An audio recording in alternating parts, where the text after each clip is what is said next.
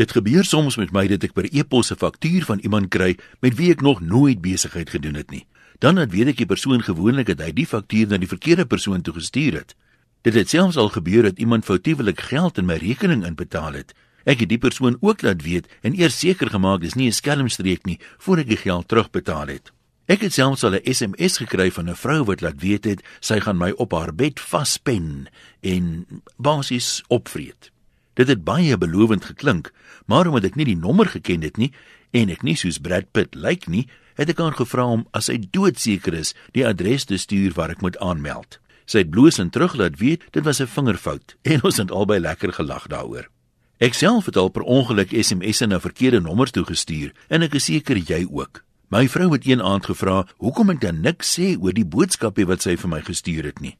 Toe ek vra watter boodskapie, het sy haar handsak bestorm en haar selfoon uitgepluk. Daar was toe reeds 'n humoristiese antwoord van haar kollega aan wie sy die boodskap wat vir my bedoel was gereply het.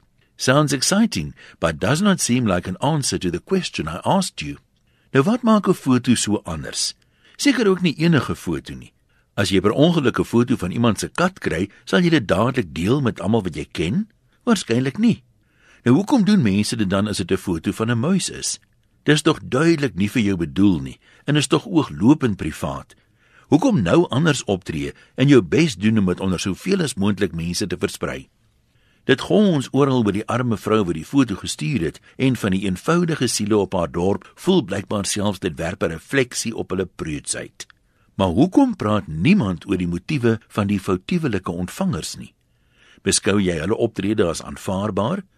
Sou jy dit ook doelbewus versprei het, wetende wat die gevolg sou wees? Waar is die ondersoekende joernaliste nou? Hoekom snuffel hulle die mense nie uit en voer 'n onderhoud met hulle sodat ons kan hoor of dit Afrikaanse mense is met 'n Christelike opvoeding wat so optree teenoor hulle suster? Vra hulle 'n bietjie oor hulle interpretasie van die Bybelse opdrag om aan ander te doen wat jy graag wil hê hulle moet aan jou doen.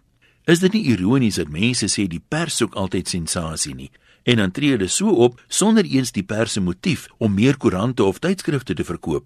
Nou wat sou hulle motief dan wees? Dalk bloot net om iemand te verneder? Is dit lekker om dit te doen? Want kom ons wees nou maar eerlik, sonder hulle optrede sou daar geen haan oor die foto gekraai het nie. Nie eers een keer nie, wat nog te sê 3 maal. Stof tot nadenke. Groete van oor tot oor, Antoniem.